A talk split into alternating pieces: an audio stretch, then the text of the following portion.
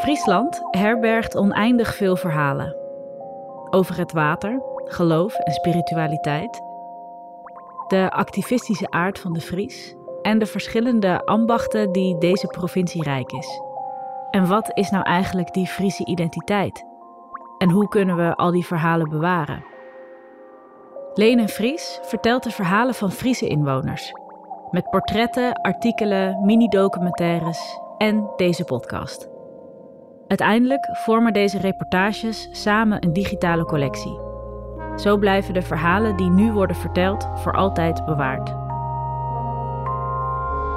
Dit is het verhaal van Aukje.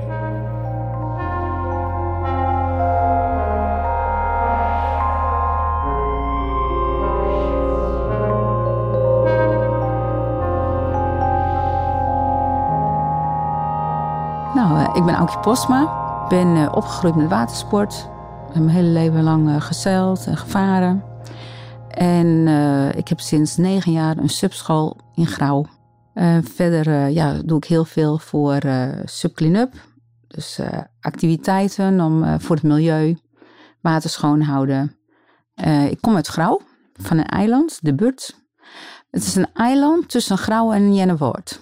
Jennewoude, het Nationaal Park uh, Mijn grootouders die hadden uh, daar een boerderij gekocht. En um, ook een herberg. Ja, vroeger heette dat herberg. En dan, uh, het was geen jeugdherberg in die zin, maar wel dat, nou, dat mensen konden blijven overnachten. Dat hadden zij erbij en mijn ouders hebben dat destijds overgenomen. En nog vijf jaar of zo de boerderij gevoerd. En daarna zijn ze begonnen met boten te bouwen. Je kan niet zomaar even weg, hè? vooral niet in de winter.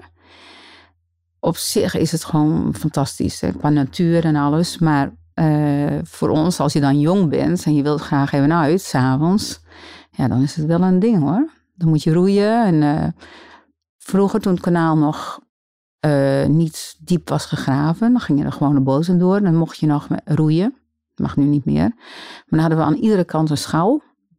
Ging je op stap. S'avonds terug moest je roeien naar de overkant, 65 meter ongeveer.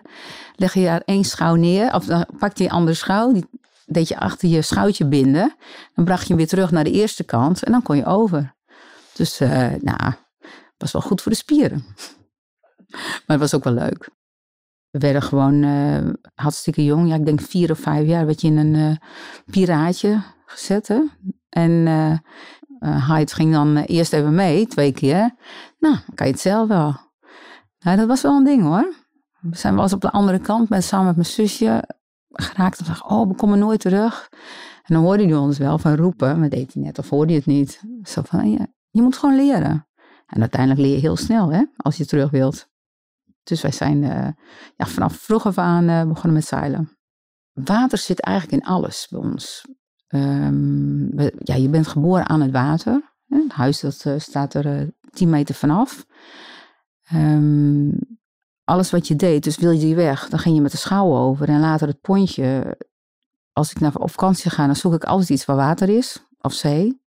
En ook wat wij doen met varen. We zijn altijd aan het varen. We hebben altijd boten gehad, bootjes wat dan ook maar. Zelf heel veel gezeild. Ja, en daarna is het suppen gekomen. Als iemand dus een uitje bedenkt in het bos, nou, dat vind ik dan voor één dag eh, best oké, maar dan moet het wel afgelopen zijn. Of dan moet een hele grote vijver liggen, dan wordt het al beter. Maar dat is ook echt zo. Het, ik denk dat water uh, ruimte geeft. Ruimte in je hoofd, ruimte in zicht, in alles. En ik, ik heb gewoon behoefte aan horizon. En dan vind ik land prima, maar niet mooi genoeg. Dan heb ik liever het water.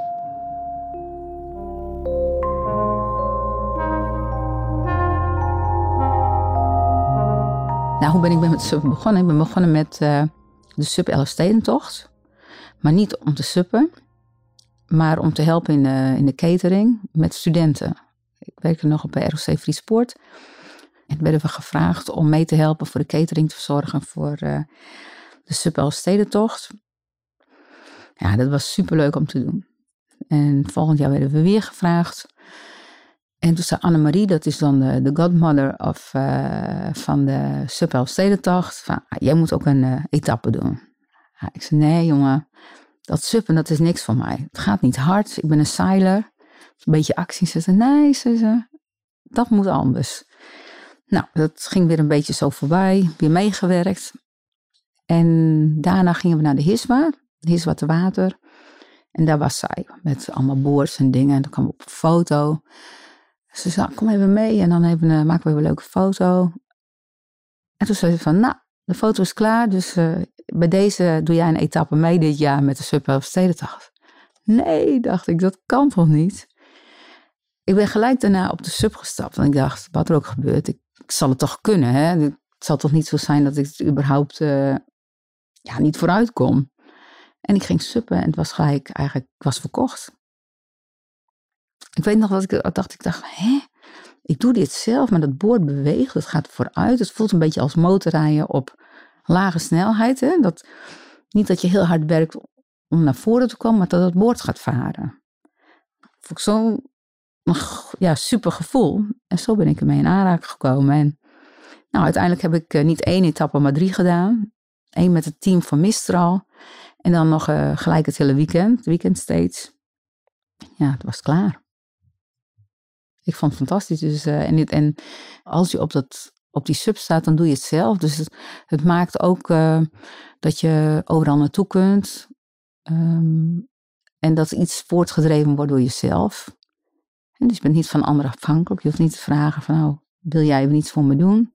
Of bijvoorbeeld een motor die kapot kan gaan. Vind ik ook niks. Dit is gewoon perfect. kan je zelf maken, je kan het zelf doen.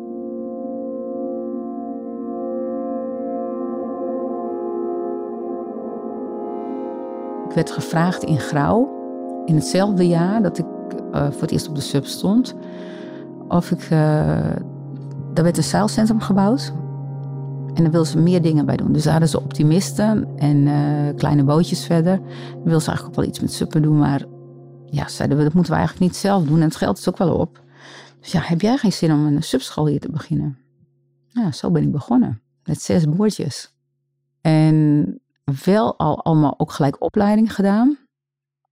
Bij de HSA, de Holland Surfing Association. Want ik dacht, als ik iets ga geven, dan moet het wel goed. Dus moet ik wel de juiste dingen vertellen, maar ik wil ook dat het veilig is. Dus uh, net voordat ik begon met de subschool, dat was in september, augustus, september, uh, ben ik daar nog naartoe gegaan om eerst uh, een opleiding te volgen. Nou, zo gestart als ik dan vind ik het vreselijk dat er allemaal troep aan de kant ligt. Uh, dat het een vieze omgeving is. Dus A, het is aangezicht. Daarbij vind ik uh, het super belangrijk om het te doen voor het milieu. En je weet, alles wat je erin gooit, dat komt terecht bij vissen en uh, meeuwen of wat dan ook maar. Alles wordt weer uit het water gepakt. En puntje bepaald, die komt ook weer bij ons in de maag. Een visje ligt ook weer op het bord. Dus Um, bij ons was het al zo, uh, je hebt de boten, je hebt de mensen, er, komen altijd gasten. Het moet gewoon allemaal netjes en schoon zijn. Daarbij gooi je niks overboord. Want je weet gewoon dat wordt opgegeten door vissen of het komt bij vogels terecht. Nou, dat was met de paplepel ingegooid. En uh, de duimer of van, uh, als iemand wat overboord gooit, dan was het gelijk, hé, hey, wat doe jij nou? Mijn vader die kon dan ook zo roepen van, hé, hey, kan toch niet? Je hebt toch een prullenbak daar staan? En dat zei hij ook wel tegen mensen. Zo van, als iemand zo je wat liet vallen, weggooien. Pak het even op, was het dan. Ik hoorde het hem gewoon zeggen. En dat, ja, dat is met een paplepel ingegeven. Nou, Subclean-up, eigenlijk uh, is dat niet het eerste waar je mee begint. Hè? Als je zelf vaart en je, je ziet wat drijven, dus bijvoorbeeld een melkpak of wat dan ook maar, dan neem je het even mee. Uh, Eerst doe je het omdat je denkt, nou, je hebt het weggegooid. Maar uiteindelijk denk je van, nou, je, wilt ook wel met je mensen gewoon gaan varen. Het, moet ook wat zijn. Toen maakte ik kennis met Janneke. Zij uh, deed de wedstrijden in de Subwel Stedentocht. Een paar keer ontmoet. En zij was uh, begonnen in het kader van Right to Challenge. Dus jij mag, uh, jij geeft eigenlijk aan je gemeente aan dat jij het beter kunt. Nou, zij heeft aangegeven, Ik zie die grachten bij ons in eh, Gouda. Die zijn super vies. En er wordt wel schoongemaakt, zegt men. En ik denk gewoon dat ik het beter kan. Daar heeft zij een project voor ingediend. En uh, dat heeft ze gekregen. Dus ze heeft een half jaar laten zien dat zij het echt ook beter kon. Daarbij, als je op de sub, je kan overal bijkomen. Je hebt geen motor die ergens eh, in blijft hangen. Je kan overal tussendoor. En het is nog daarbij goed voor het milieu. Want je gebruikt je hebt ook geen afvalgassen, uitstoot of wat dan ook maar. Dus we zeiden, we, eigenlijk moeten we gewoon ook een gemeente hebben die zegt van oké, we willen jullie daar wel iets voor geven. En uh, samen kijken of we het gewoon een schonere omgeving krijgen. En daarbij zorgen uh, dat je het gewoon ook echt iedere week doet. Zodat je ook weet aan het eind van de rit, of na een half jaar, dat je kunt zien, dat heeft wat opgeleverd. Nou, en dan levert het gelijk voor het milieu ook wat op. En hebben we het aangevraagd in Heerenveen. En uh, die waren raast enthousiast, want die willen heel graag schoonste gemeente, nou eerst van Friesland, maar van heel Nederland worden. En uh, ja, die hebben gezegd, oké, wij gaan met jullie uh, voor het zomerseizoen een contract aan en dan gaan we kijken of dat gaat werken. dat project was gewoon echt een enorm succes. Eh, waardoor wij nu nog steeds, dat is nu alweer 2,5 jaar, bezig zijn. En wij net gisteren gehoord hebben dat we weer door mogen. Dus dat is super.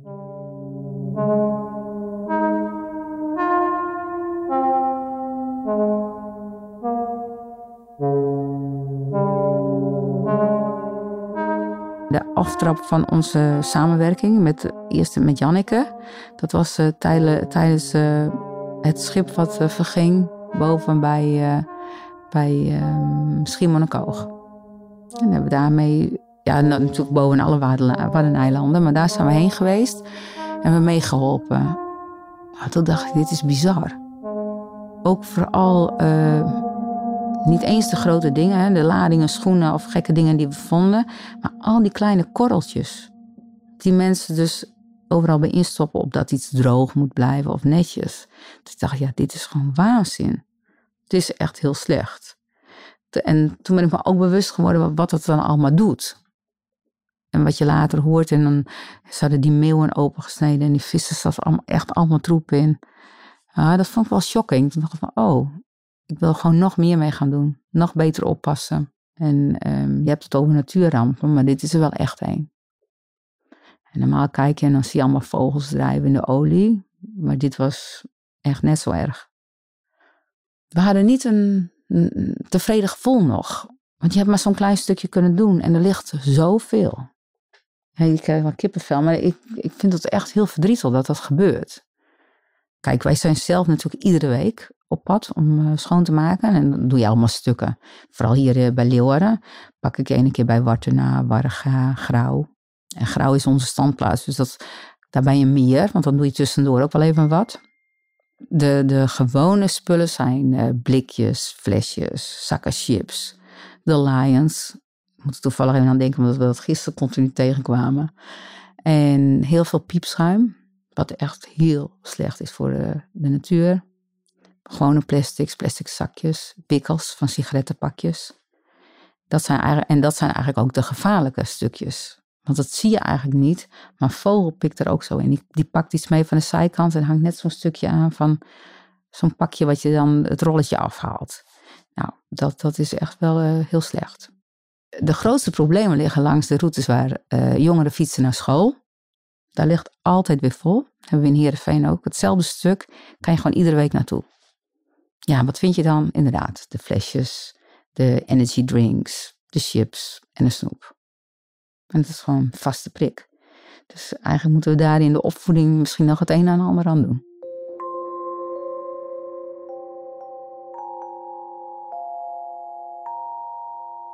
Ik denk dat de meeste mensen ook wel schrikken als jij een dagje met ons meegaat in, eh, in de stad. En dan, maar dan heb je echt het over dagelijkse voedsel wat je terugvindt. Waar mensen ook van schrikken. En veel opmerken van, hè, maar dat neem je toch weer mee. Maar als je heel eerlijk bent, als jongere ook, van nou ja, ik heb even een, een snicker of wat dan ook maar. Snel uit je hand gevlogen. Hè? En bewust of onbewust, dat laten we dan maar in midden. Maar het, je doet het niet zo snel. Je doet niet het, uh, de, het omhulsel in je jas. Raar, waarom niet? Maar het gebeurt gewoon niet. Maar je kunt het heel makkelijk beginnen in de supermarkt. Kijk, als jij groente en fruit haalt, dan kan dat uh, in allemaal zakjes en dingen. Nou, doe nergens iets in. Het is altijd allemaal los. En ik neem zelf een tas mee. En die tas wordt altijd hergebruikt tot echt iets helemaal kapot is, een hengsel eraf is. Nou, dan pakken we een nieuwe tas, maar niet eerder. Dus ja, ik ben heel erg uh, prat daarop. Of het liefst ook als je uh, kijkt naar uh, alle zakjes en de dingen. Dus broodjes halen. Ik probeer gewoon verse broodjes te halen. En ook niet, hè, je hebt wel van die, die bags die je kunt hergebruiken. Nou, die heb ik. Ik ga dat niet in een plastic zakje doen. En ik, laat, ik neem ook niet dat mee wat al plastic voor verpakt is. Akrum is echt een stuk minder vuil sinds wij daar komen. En we hebben daar ook altijd mensen die al, uh, als we weer langs varen, dan komen ze even naar buiten, een duim omhoog. Of zeggen, ja nee, we hebben ons eigen stuk ook even gedaan en we letten nu goed op dat het tussen de stijgers ook een beetje netjes blijft. En ja, dat vind ik gewoon prachtig. Dus je ziet gewoon dat het echt wel werkt. Eigenlijk iedereen die met ons meegaat, die maak je toch eigenlijk wel een klein beetje bewuster. Ik weet zeker dat als ze dan nadenken of je hebt hier het zoveelste broodzakje in je tang hangen, dat je denkt morgen van nou wie weet haal ik gewoon een brood en doe het in mijn eigen tas. Wij blijven stimuleren dat we met z'n allen opruimen, maar vooral ook dat we zorgen dat het niet wegkomt. Dus dat we ook aan de uitgangspunten daar meer aan moeten doen. En uh, dat we het met z'n allen moeten doen. Vooral dat ook. Dat promoten wij ook heel erg. Samen sterk. Je kan niet alleen, uh, tuurlijk kan je alleen een paar stukjes oppakken, maar dat is niet genoeg. Je moet met z'n allen moeten we er bewust van worden en met z'n allen ook daaraan werken.